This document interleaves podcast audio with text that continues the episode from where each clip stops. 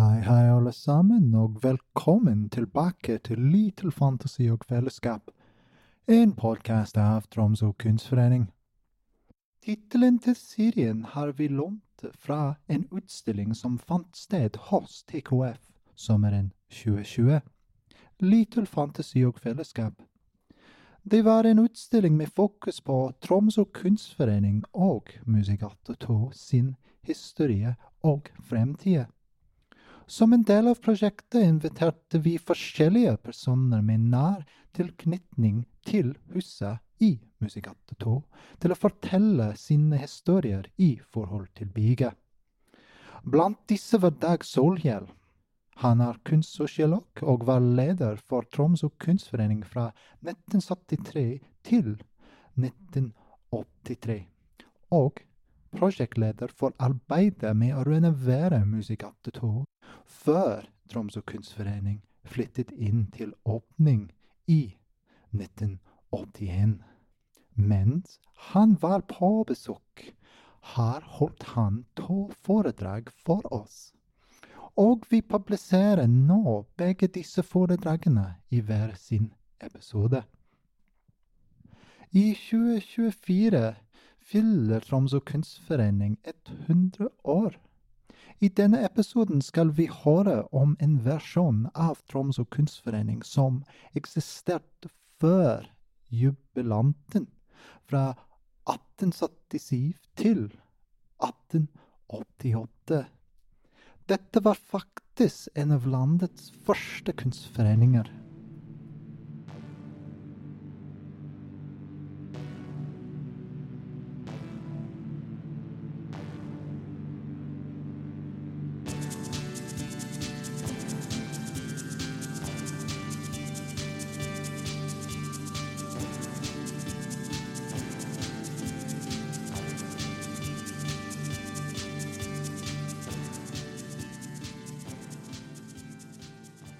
Så hyggelig å se så mange som har kommet til det her siste foredraget i denne omgang med Dag Solhjell. Vi har hatt flere, flere eh, arrangementer med Dag de siste dagene.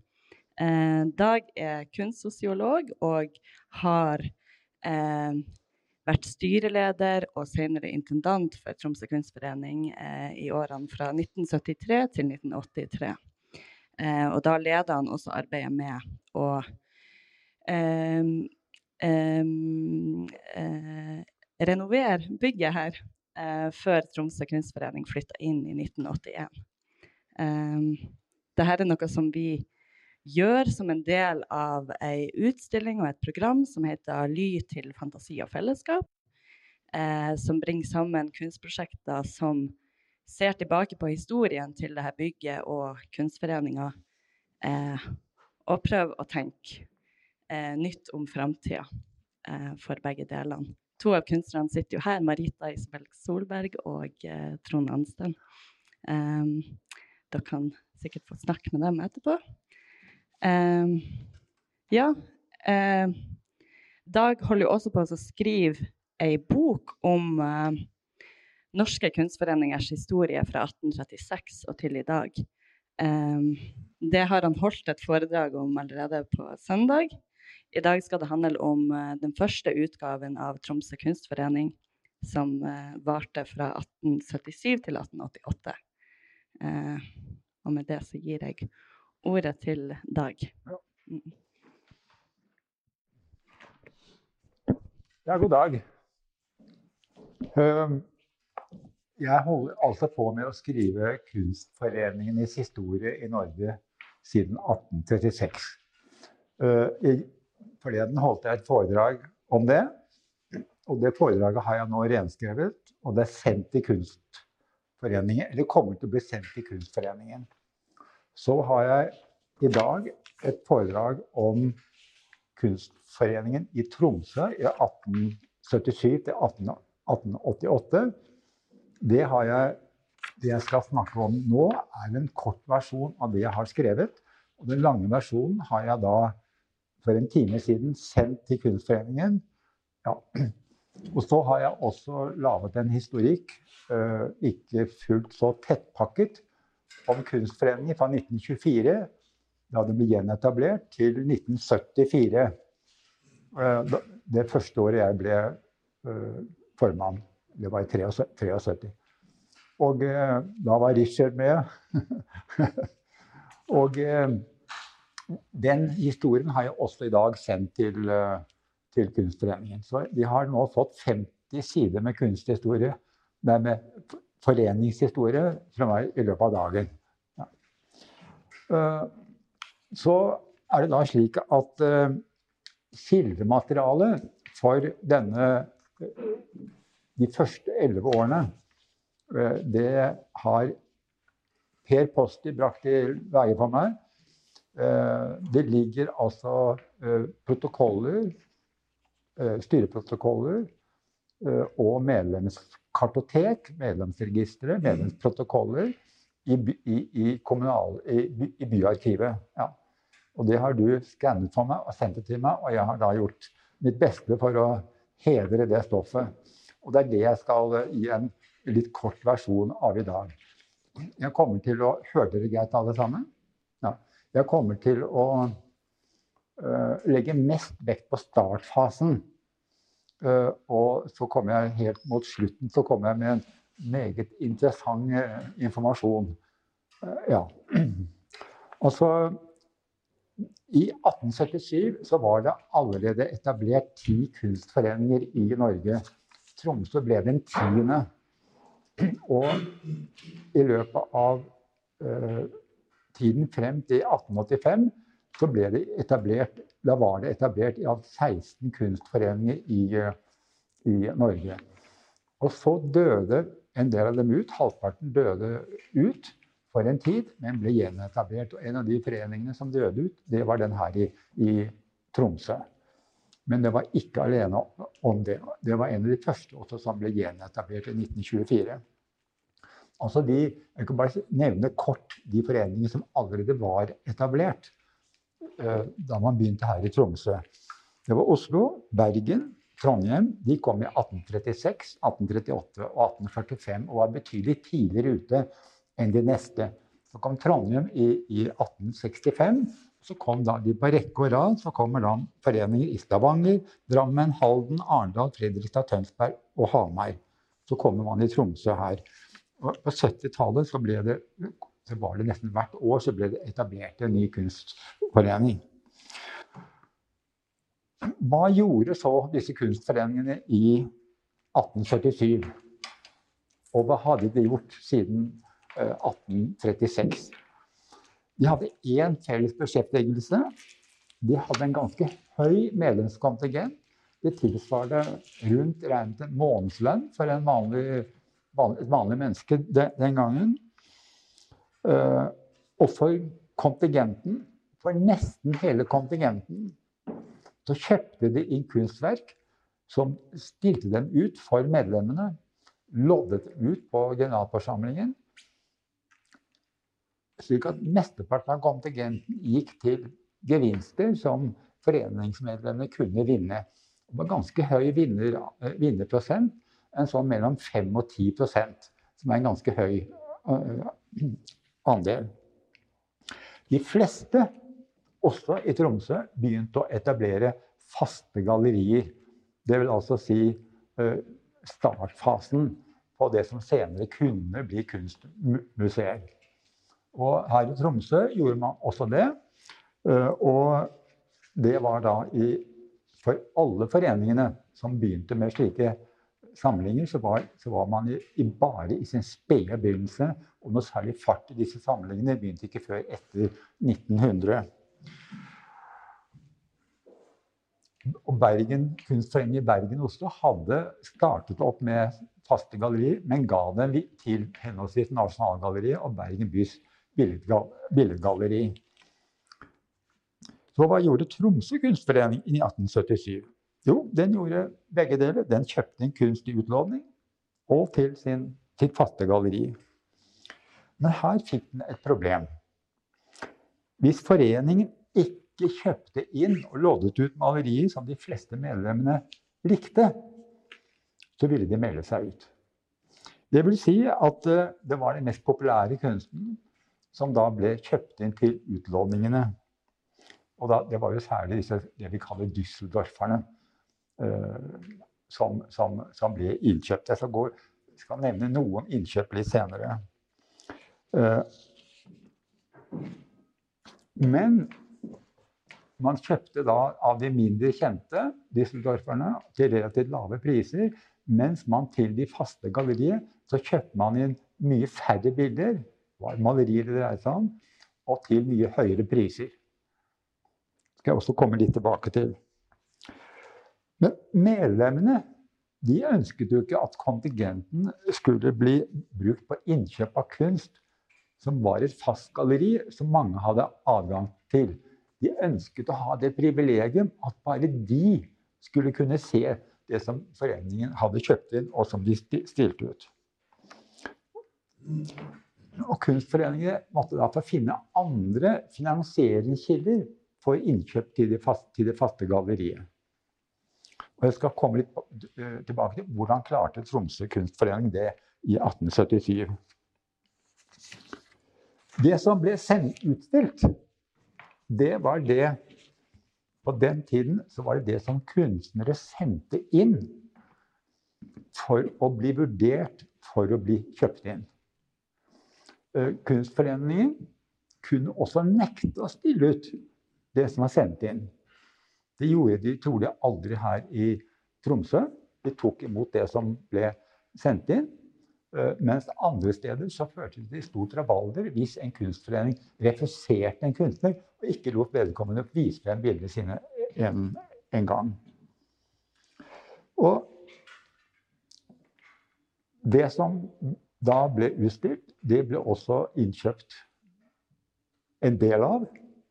Og det som ikke ble innkjøpt av det som var sendt inn, det ble sendt videre til neste kunstforening.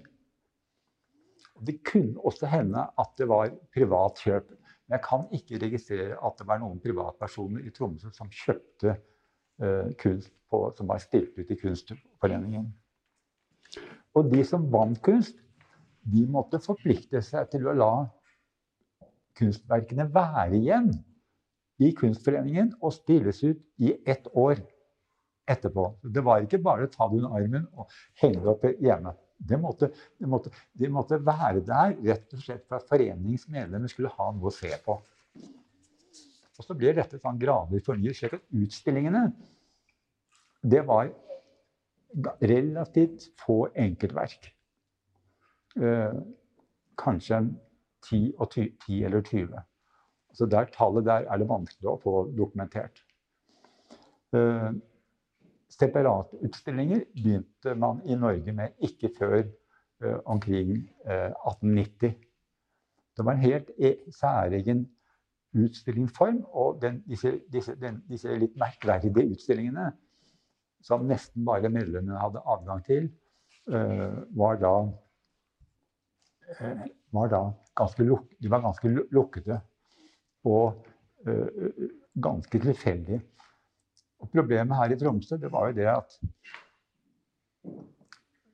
hvor mange kunstnere i Sør-Norge ville våge å ta kostnadene med å sende sine malerier hit i håp om at de skulle bli innkjøpt. Det var, det var vanskelig her, og det ble vanskeligere og vanskeligere etter hvert å få kunstnere til å sende, ta sjansen på å sende noe hit. De måtte betale frakten selv. Og de lokalene man hadde, det var jo ikke vanlige utstillingslokaler. Og dette var før dette huset her ble bygget. Tromsø kunstforening leide lokaler i Grand Hotell. Der var øh, verkene utstilt, og der holdt bestyrelsen med sine direktører, som det het, de holdt uh, møter der. Og der var det også den årlige generalforsamlingen, og der ble trekningen foretatt. Og ja, foreningen betalte 500 kroner i året for å ha et fast rom. Eh, jeg vet ikke om det er ett eller to rom. Det vet jeg ikke. Og jeg vet ikke om det er vanlig eh, hva slags rom det var, om det var selskapsrom eller Jeg vet ikke om det, rommene hadde annen bruk, unntatt mellom 12 og 10 på søndager. Det vet jeg ikke. Og mange kunstforeninger hadde da gjerne en person som gikk foran. Helt typisk. Og i Tromsø så var det denne, denne gründeren Det var tollbetjent. Han kom til Tromsø som undertollbetjent. Ottar Evigus Holmboe. Han var far til, til Tore og Folmbo, som ble en ganske kjent maler. Uh, han, Ottar han var født her i Tromsø. Uh, og vi vet ikke så mye om hans virksomhet her.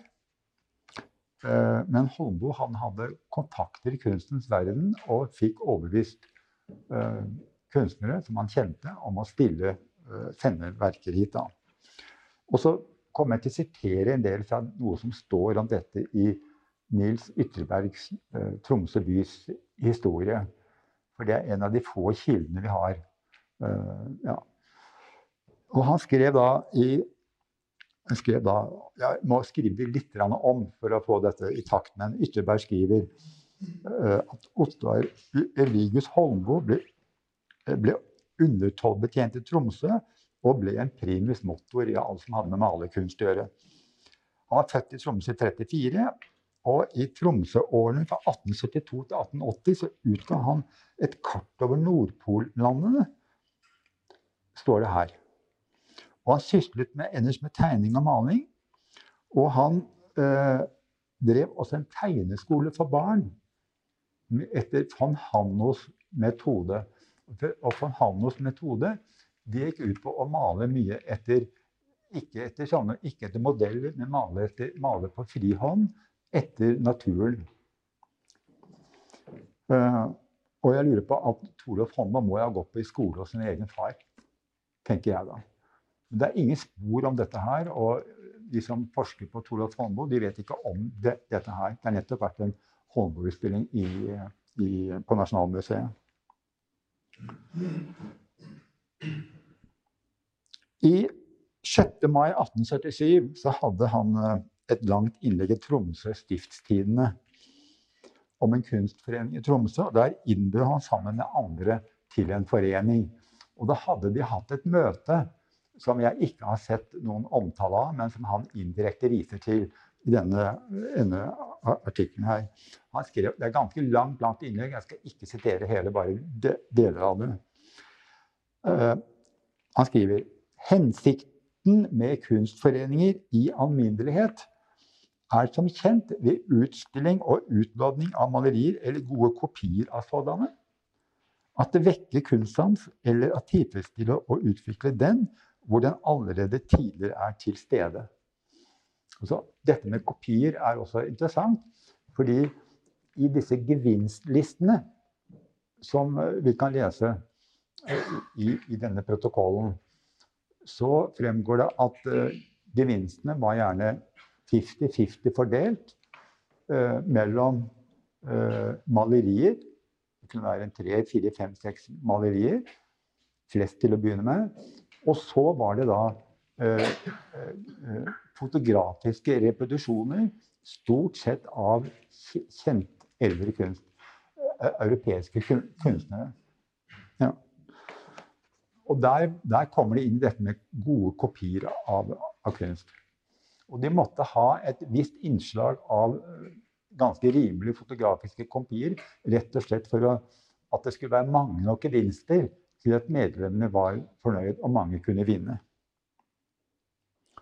Det er en gammel kjensgjerning, nå siterer jeg fortsatt Håndboe, at mangt et geni er gått til spille fordi betingelsene for dets utvikling har manglet.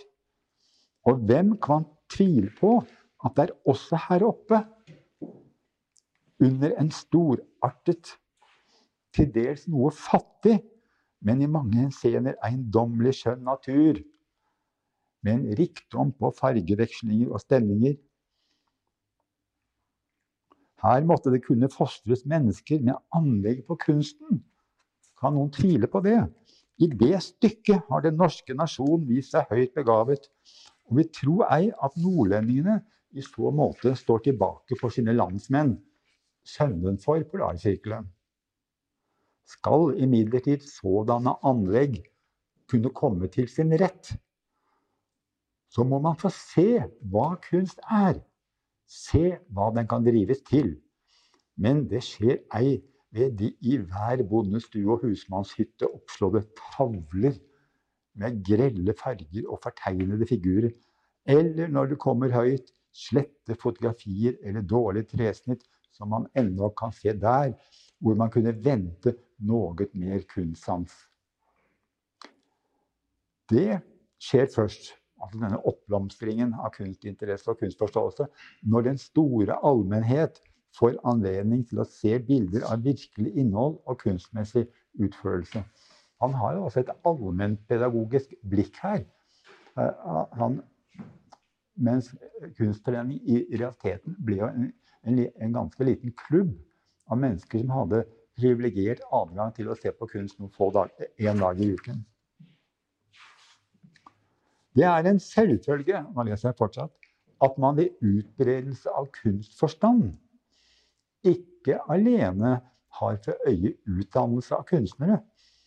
Disse ville jo stå der som temmelig uviktige folk hvis dere verker blott var til for dem. Kunstens innflytelse på et folks intellektuelle og materielle utvikling og velvære er imidlertid så alminnelig erkjent at jeg ikke behøver å gå nærmere inn på den saken. Kun så mye vil jeg si at er det noen sted man behøver den vekkelse og oppmuntring som de skjønne kunster byder, da er det her i nord, under våre lange, barske vintre med de mangehånde savn. Hvis vi ved opprettelsen av en kunstforening legger for dagen at vi her oppe interesserer oss for sådanne ting, og at vi efter evne vil kunne være med også i den del av den alminnelige utvikling, turde det hende at vi kunne drage våre kunstnere her opp, hvor de ville finne et nytt og overordentlig rikt felt, felt for sitt arbeid. Og så er det en, eh, en redaktør, tror jeg, en redaktør i, i Stiftstidene han har også skrevet et innlegg til fordel for Kunstforeningen. Og han, han, han er litt mer praktisk. Han sier bl.a. Jeg bare siterer litt kort her. For oss som lever så isolert at det for en flerhet av befolkningen ikke er anledning til å besøke de sydlige, større byer hvor kunstsamlinger av forskjellige slag finnes, vil det være kjært for mange å få i standard en malerisamling. Tromsø, som er størst i stiftet og mest besøkt av alle slags reisende, skriver han i 1877, er unektelig det sted hvor en sådan vil komme de fleste til gode. Og så sier han til slutt utgiftene hermed vil visstnok blive ikke få, men man tør vel gjøre regning på atskillig støtte i landdistriktene blant de besittende intelligente menn. De besittende, intelligente menn. Litt herlig uttrykk, syns jeg. Og så, så forteller så Istedenfor at jeg skal fortelle hvordan det gikk, så har altså Holmboe han har noen år senere så har han skrevet hvordan han gikk frem for å få denne foreningen etablert. Og ikke minst å få den finansiert. Og da siterer jeg igjen fra Holmboe. Fra, fra avisen Fredrikstad Tilskuer 5.1.1882. Da var jeg blitt overtallbetjent der i, i Fredrikstad. Da jeg for noen år siden i Tromsø foreslo opprettelse av en kunstforening, møtte jeg med egen hoderysten. Hvorfor skulle medlemmene, og hvorfor midlene, i den lite velstående by komme? Men begge deler kom dog. Foreningen kunne straks kjøpe noen malerier, bl.a. ett til et fast galleri for 700 kroner av Vincent Stoltenberg Lerche. Så fikk man smak på mer. Så bød der seg en gunstig leilighet til å få innrettet et stort, lyst og tidsmessig lokale for en lengre fremtid mot en leie av 500 kroner årlig. Det var altså i, i, i hotellet. Foreningen kunne ei bestride dette alene. Jeg nevnte Sparebanken, Det går ikke, mente de andre direktører. Men jeg fikk deres underskudd på et andragende, altså en søknad, at der av Sparebankens direksjon bevilgedes med tre mot to stemmer. Altså med tre mot to stemmer så stemte Sparebankens direksjon for en bevilgning til Kunstforeningen. Så innbød jeg Arbeiderforeningens medlemmer, elevene i tegneskolens øverste klasse altså Tegneskolen det var, det var, det var betegnelsen da på den tekniske skolen. Uh, I tegneskolens øverste klasse med flere til å besøke samlingen. Den gangen var det utstilt omtrent 20 malerier. Hvor han har fått det fra, og det er helt uforklarlig hvordan de kunne stille ut 20 malerier i, 19, i 1877. Det skjønner jeg ikke. Der møtte ca. 70 menn og kvinner. Et lite kunsthistorisk foredrag holdtes. Man ba om at det måtte bli gjentatt et par ganger årlig. Et deretter avholdt møte i Sparebankens forstanderskap bevilgede de 500 kroner årlig mot noen få stemmer. Året etter falt mine øyne på Brennevinsbolagets, altså Brennevinssamlagets, overskudd. Atter hovedrysten. Der ble dog andraget om 500 kroner til det faste galleri årlig. Det gikk etter en lengre debatt i bolagets generalforsamling med stor pluralitet igjennom. For bevilgningen stemte flere simple arbeidsmenn, skriver eh, han. Nå er disse 1000 kroner årlig omtrent fastslå, men dette svarer jo til en kapital av 16 000 og 20 000 kroner. Man tenker seg at renten av 16 000 20 000 kroner er, er 1000 kroner i, i, året. Som da er en inntekt for foreningen. Kort før min avreise fra Tromsø bevilget Sparebanken dessuten et beløp av 600 kroner. Der i foreningen med ett av Kunstforeningen selv oppsparet beløp samt Brennevinssamlagets årstilskudd skulle anvendes til en bestilling hos professor Gude altså, altså maleren Hans Gude, som da var ventende til Tromsø. Og jeg har nå i ettermiddag spurt han som da er Norges fremste ekspert på Gude, har Gude noen gang vært i Tromsø. Har han vært, har han vært i, i, nordover i det hele tatt? Det har han ikke. Og, og Gude har skrevet nøyaktige dagbøker. Det fins ikke spor av at han var her. Men, men. Og så kan vi da fra denne protokollen uh, som er skrevet med aldeles nydelig håndskrift, at om, om, om etableringen Og der, det, der står det bl.a.: Dirigenten, og det var jo Holmboe selv, fremla fortegnelse over de tegnede medlemmer og bidragene til det faste galleri. Det fremgikk herav at man i alt til dato kan disponere over et beløp på ca. 2000 kroner, hvorav det halve til utlåning og det annen halvdel til det et fastgalleri. Deri beregnet et årlig bidrag av 500 kroner, derav Sparebankens direksjon etter et andragende fra innbyderne er innstilt til bevilgning. Og så, så er det vedtektene, som er ganske lik alle andre kunstforeningers vedtekter. Jeg skal bare lese opp paragraf 1. Foreningens midler anvendes til anskaffelse av kunstverk, dels til utlåning, dels til et fast galleri. De første, altså utlåningene, fordeles årlig ved loddtrekning mellom medlemmene, men de der ved loddtrekning blir eiere derav, er ikke berettiget til å tage dem i besittelse foruten de i ett år har vært utstillet i foreningens lokaler. Alle kunstforeninger hadde denne regelen. Og så står det, uh, og så står det om dette med fast galleri. Og så står det uh, et stykke ute i, i vedtektene For så vidt det måtte finnes hensiktsmessig, er det den også tillagt, altså styret er tillagt, at foranstalte større utstillinger mot betaling. Det var meget vanlig at kunstforeninger på den tiden gjorde, men, men det skjedde tror jeg aldri i Tromsø kunstforening i disse årene. Jeg hører ikke om noen større uh, utstilling hvor man tok inngangspenger fra de som ikke var medlemmer. Ja, der er Tromsø kunstforening et, et, unntak.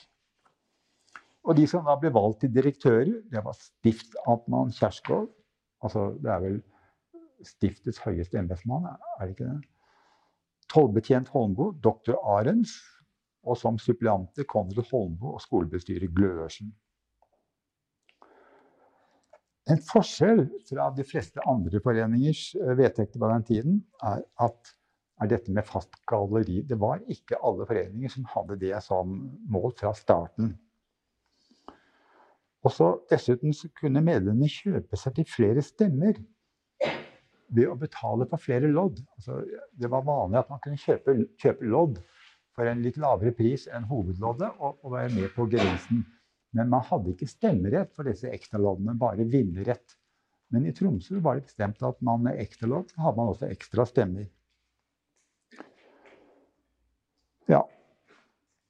Og så skal jeg gå rett løs på jeg tror, jeg tror altså det både i Sparebank, Jeg har ikke undersøkt det, men i, i Sparebankens direksjon og i direksjonen for dette uh, brennevinssamlaget, så, så satt det antagelig også viktige medlemmer av Kunstforeningen. Jeg vil tro det. Jeg, skal, jeg, skal, undersøke det litt mer. Ja. Så er det en, en ganske spesiell ting ved denne kunstforeningen. Det var det at 59 av de tegnede medlemmene hadde også lovet å gi penger til den første til et sånt innkjøpsfond til det faste galleri. Altså det, var, det, var en, det, det, må ha vært en overordentlig skal vi si, pengerik eller velstående forsamling 59, omtrent en tredjepart av medlemmene, lovet å støtte og, og, betalte inn. Det fremgår også av uh, protokollene. De har betalt inn ca. 600 kroner, til et fond. Da. Og så kommer da den første generalforsamlingen. Og der er det valg på direktører. Det var gjenvalg på alle sammen. Uh, og det er selvfølgelig opplesning av, av årsberetning og sånn. Og så er det del, så er det seks malerier som er innkjøpt, og som skal loddes ut. Og jeg skal ikke gå inn, jeg skal ikke nevne Det, det er altså malerier av Amalius Nilsen, Nils Bergslien, uh, Philip Barlag uh, og Andreas Diesen med høyfjellsbilder. Og Sinding, et bilde fra Mjøsa. Og så er det et, et, maleri til som jeg ikke helt skjønner hvem som er uh, kunstneren. Og i tillegg så kom det altså uh, fem gevinster som var, var stort sett uh, repetisjoner etter kjente, særlig tysk, etter tyske malerier. Det var ett Det var én gevinst som var etter Tidemann. Det var en kopi av Tidemanns brudefølge. Jeg lurer på det må ha vært et, et fotografi, da. Ja. Og så står det i Bergens Tidende i 1878 så er det faktisk en fyldig beretning om, om, denne generalforsamlingen. slik det har altså vært mulig å finne en god del stoff uh, i aviser. I tillegg til dette uh, originale kildematerialet. Og der står det at det var 103 eh, innbys og 53 utenbys medlemmer. Og de hadde tegnet 176 lodder, fordi det var altså flere lodder enn medlemmer, siden man kunne kjøpe flere lodder. Og det var tegnet 773 kroner av disse som var tegnet i det faste galleriet. Sparebanken hadde bevilget 400 kroner eh, og 100 kroner årlig til bestillelse av andre utgifter. Det, det, dette med brennevinsamlag, vet dere hva brennevinsamlag var? Altså det, det, var, det var et edruelighetstiltak, akkurat som Ørland nesten. Eh, nemlig eh, det var mulig å opprette Etter lov var det mulig for privatpersoner å opprette eh, samlag som hadde monopol på omsetning av brennevin i sine distrikter. Den loven kom i 1871. Og eh, de hadde eh, eh, De hadde på det meste 51 sånne samlag over hele landet. Og de kunne ikke ta ut mer fortjeneste enn 6% Resten skulle gå til allmenn, allmenne form, formål. Og noen steder så, altså, så ble altså faste gallerier sett som gyldige formål. Og da kommer det noe interessant inn, og det delvis også fra Sparebanken. at Siden både sparebanker og brennevindsamlag er jo lovbestemte uh, uh, institusjoner som skal bruke av sitt overskudd til allmenne for, for, formål. Og Derfor kunne både Sparebanken og Brennevindsamlaget gi, gi, penger til, til kunstplen. De de, de var altså datidens kulturfond. Datidens kulturfond lenge før staten hadde noe budsjett for å støtte noe som helst på kultursiden. Og det er altså kjøpt inn tre malerier til det faste galleri, men vi, jeg har ikke klart å finne ut hvilke tre malerier det, det var. Men, men, det var tre, galleri, tre malerier til en mye høyere pris enn det man kjøpte inn til utlåningen.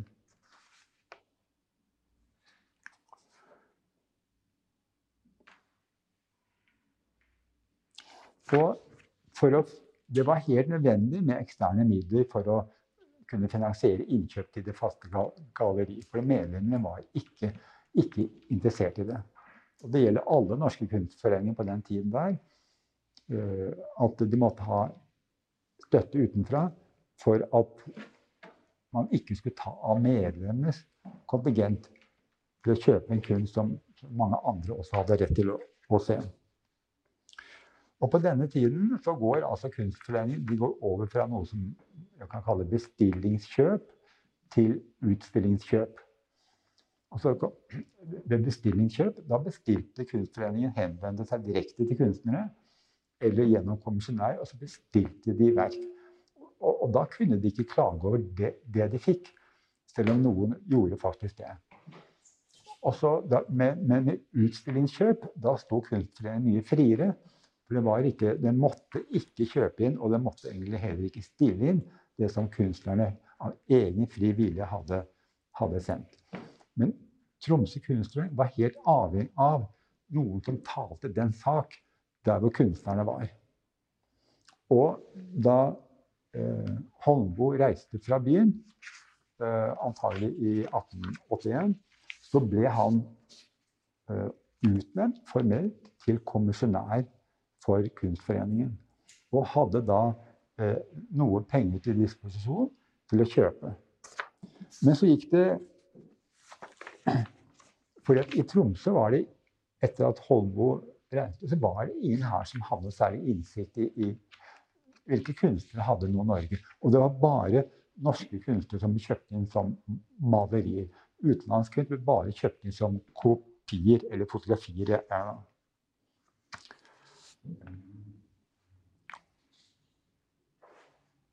Ja. Det er bare, jeg har bare sett at det er Holmo som har vært, vært kommisjonær. Så han, da han var her, så var han den som uh, tok kontakt med kunstnere. Og når han reiste, så fortsatte han med det etter oppdrag fra Kunstforeningen.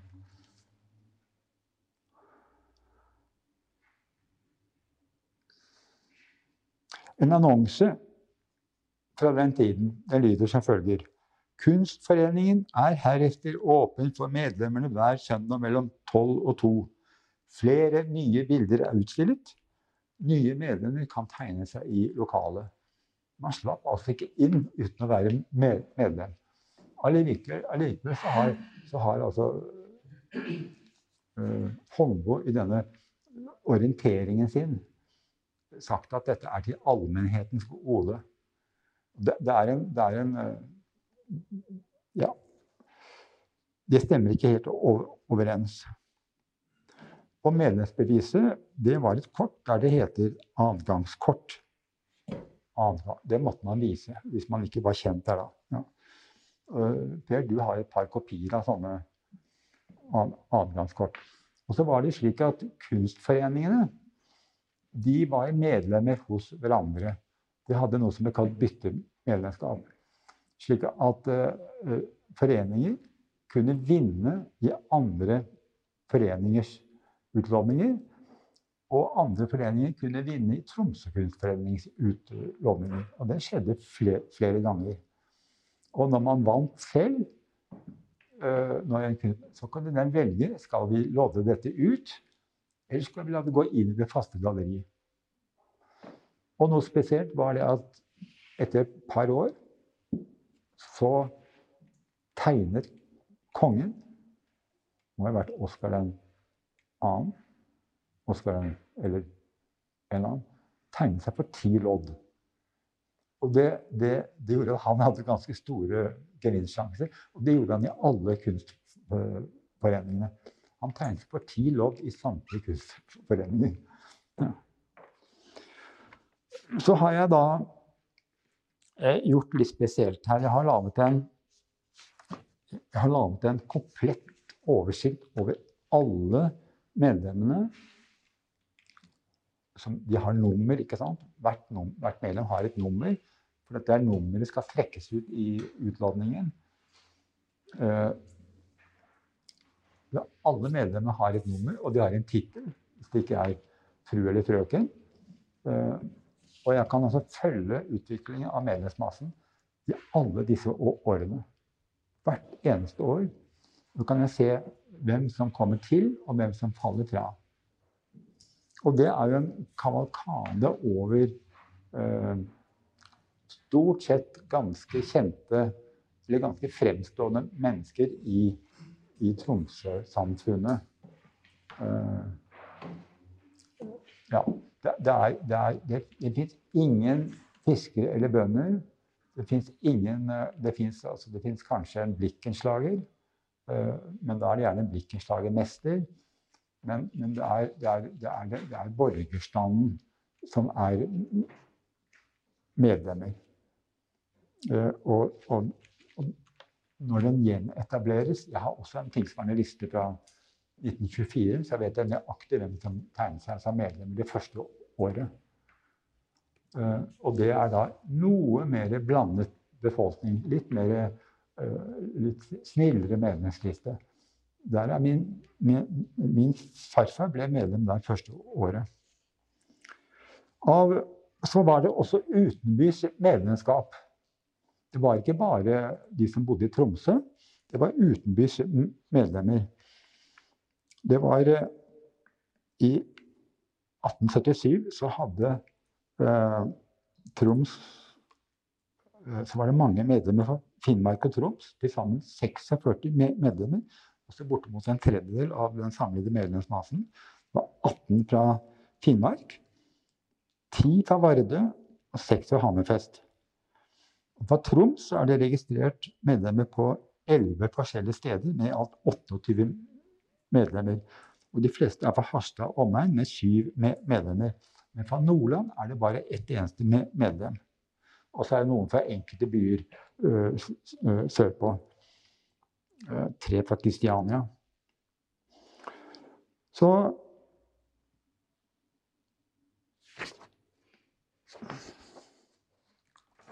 Nå skal jeg si litt om den andre i 78. For den var da Da hadde foreningen fått ekstra mye penger. Den, den var på vei oppover i medlemstall og kunne altså kjøpe mer. mer. Så den, nådde, den var 14 gevinster og fem malerier og ni fotografier. Og de fem maleriene de, de er da på et høyere prisnivå enn eh, tilsvarende antallet hadde eh, året før. Eh, men det er ikke de mest kjente kunstnerne. Det er Jan Ekenes, Morten Müller, Anders Askevold, Edvard Skari og Amalius Nielsen. Eh, og så er det alle de ni fotografiene det er repetisjoner av utenlandske kunstneres arbeider. Det dyreste eh, maleriet det, det, var to stykker på 300 kroner stykket. Mens da disse fotografiene de er verdsatt fra mellom 12 til eh, fra 12 til 28 kroner. av. Ja um, I Tromsø Stiftstidene så står det i juli 1878 at det er kommet ni malerier fra Trondheim kunstforening. Altså, da, det kan da være og jeg får ikke, Det er ingen mulighet for meg å finne hvilke ni malerier det var. Men jeg tror at det er en sånn forsendelse det er malerier som man i Trondheims kunstforening ikke har villet kjøpe inn. Og så har man tillatelse fra, fra eh, kunstnerne å sende de videre hit. Uh, foreningen hadde lønnet sekretær og lønnet kasserer. Ikke så mye, men, men, men kassereren var veldig viktig. For da kassereren måtte være pinlig nøyaktig når det gjelder registrering av medlemmer. Fordi medlemskapet hadde, det var en betaling for en rettighet.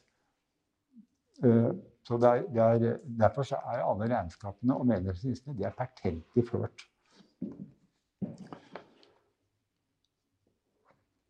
Det, på det meste så hadde Kunstforeningen her det hadde 217 lodder. Og jeg vet ikke hvor mange det er, altså, En tredjepart er da utendørs.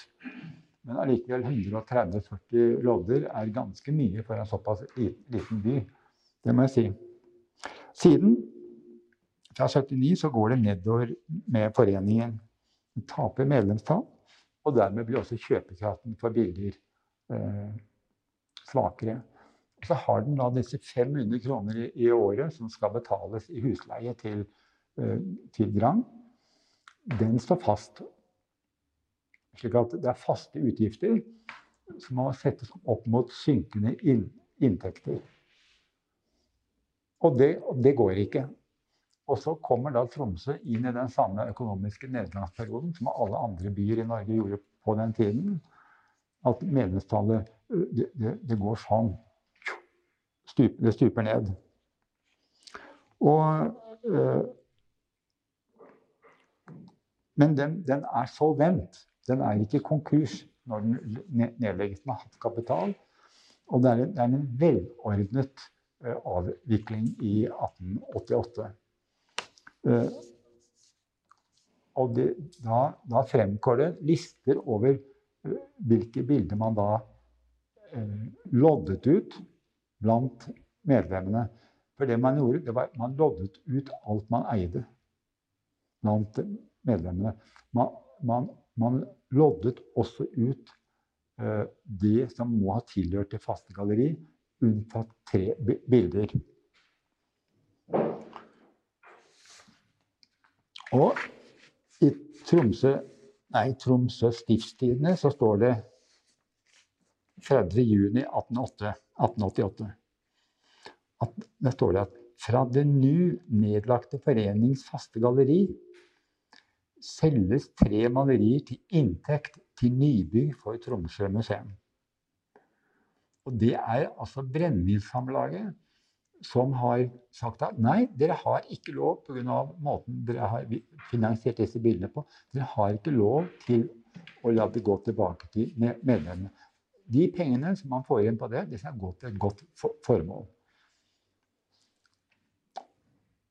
Altså, man selger tre malerier fra det faste galleriet i Tromsø kunstforening til inntekt for nybygg for Tromsø museum. Det sto ferdig i 1894. Og fra 1981 så er det altså brukt av Tromsø kunstforening. Det er ganske morsomt, syns jeg, å, vite at, at uh, en bitte liten skjerv i, dette, i denne huset her ligger i tre malerier fra Tromsø kunstforenings faste galleri fra 1888. ja, det er litt rørende å tenke på. Ja. Ja, så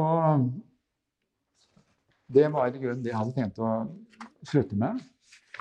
Uh, og så har jeg altså uh, en noe lengre versjon enn det jeg har holdt her. Det har jeg da i dag sendt til Kunstforeningen uh, sammen med en del andre ting. Og da er det altså denne komplette listen over alle foreningens medlemmer hvert eneste år følger også med, med der. Er det noen spørsmål? Ja.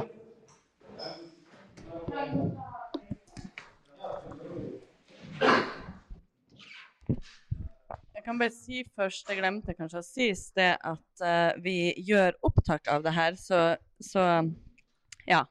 Spørsmål som blir sagt inn i mikrofonen, blir uh, uh, gjort opptak av. Lydopptak. Ja, det kan du velge.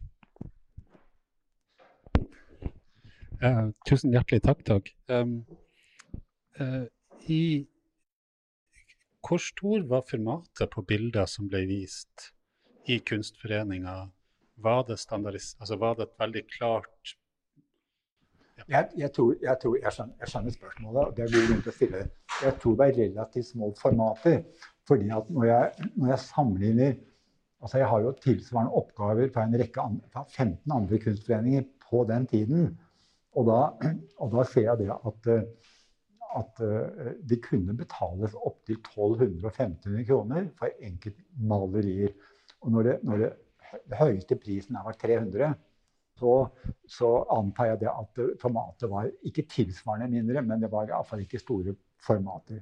Men så er det en annen ting her, og det er at uh, når, når man offentliggjør verdien på gevinstene, så er det som regel et beløp som er betydelig høyere enn det man egentlig har betalt. Fordi kunstnerne ønsker ikke at det skal komme frem at de har strukket seg langt i pris for å få et arbeid solgt. Dette er helt konsekvent i alle kunstforeninger, denne triksingen med, med prisene. Og når det kommer dårlige tider, så står Kunstforeningen i ganske sterk forhandlingsposisjon. Fordi at kunstnerne vet her skal det kjøpes inn. Og det er bedre å få 200 kroner for et maleri enn, enn ikke å få noe i det hele tatt. Ja, det, var, det var pinaktige forhold for mange kunstnere også. Som det fortsatt er. ja. Så det var det. Og jeg, og jeg tror også av fraktmessige andre grunner så var det små, små, små formater. Men så er det Hvor er disse bildene i dag? Hvor er disse her, la oss si 50 eh, maleriene og 50 reproduksjonene som ble bundet av folk Ja, halvparten ble bundet av folk i Tromsø. Det vet jeg ikke. Ja.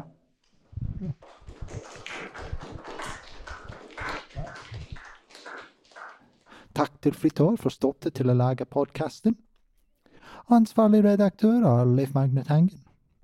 Takk også til Camilla Fagerli for innspill på manus. Takk igjen for at dere lyttet.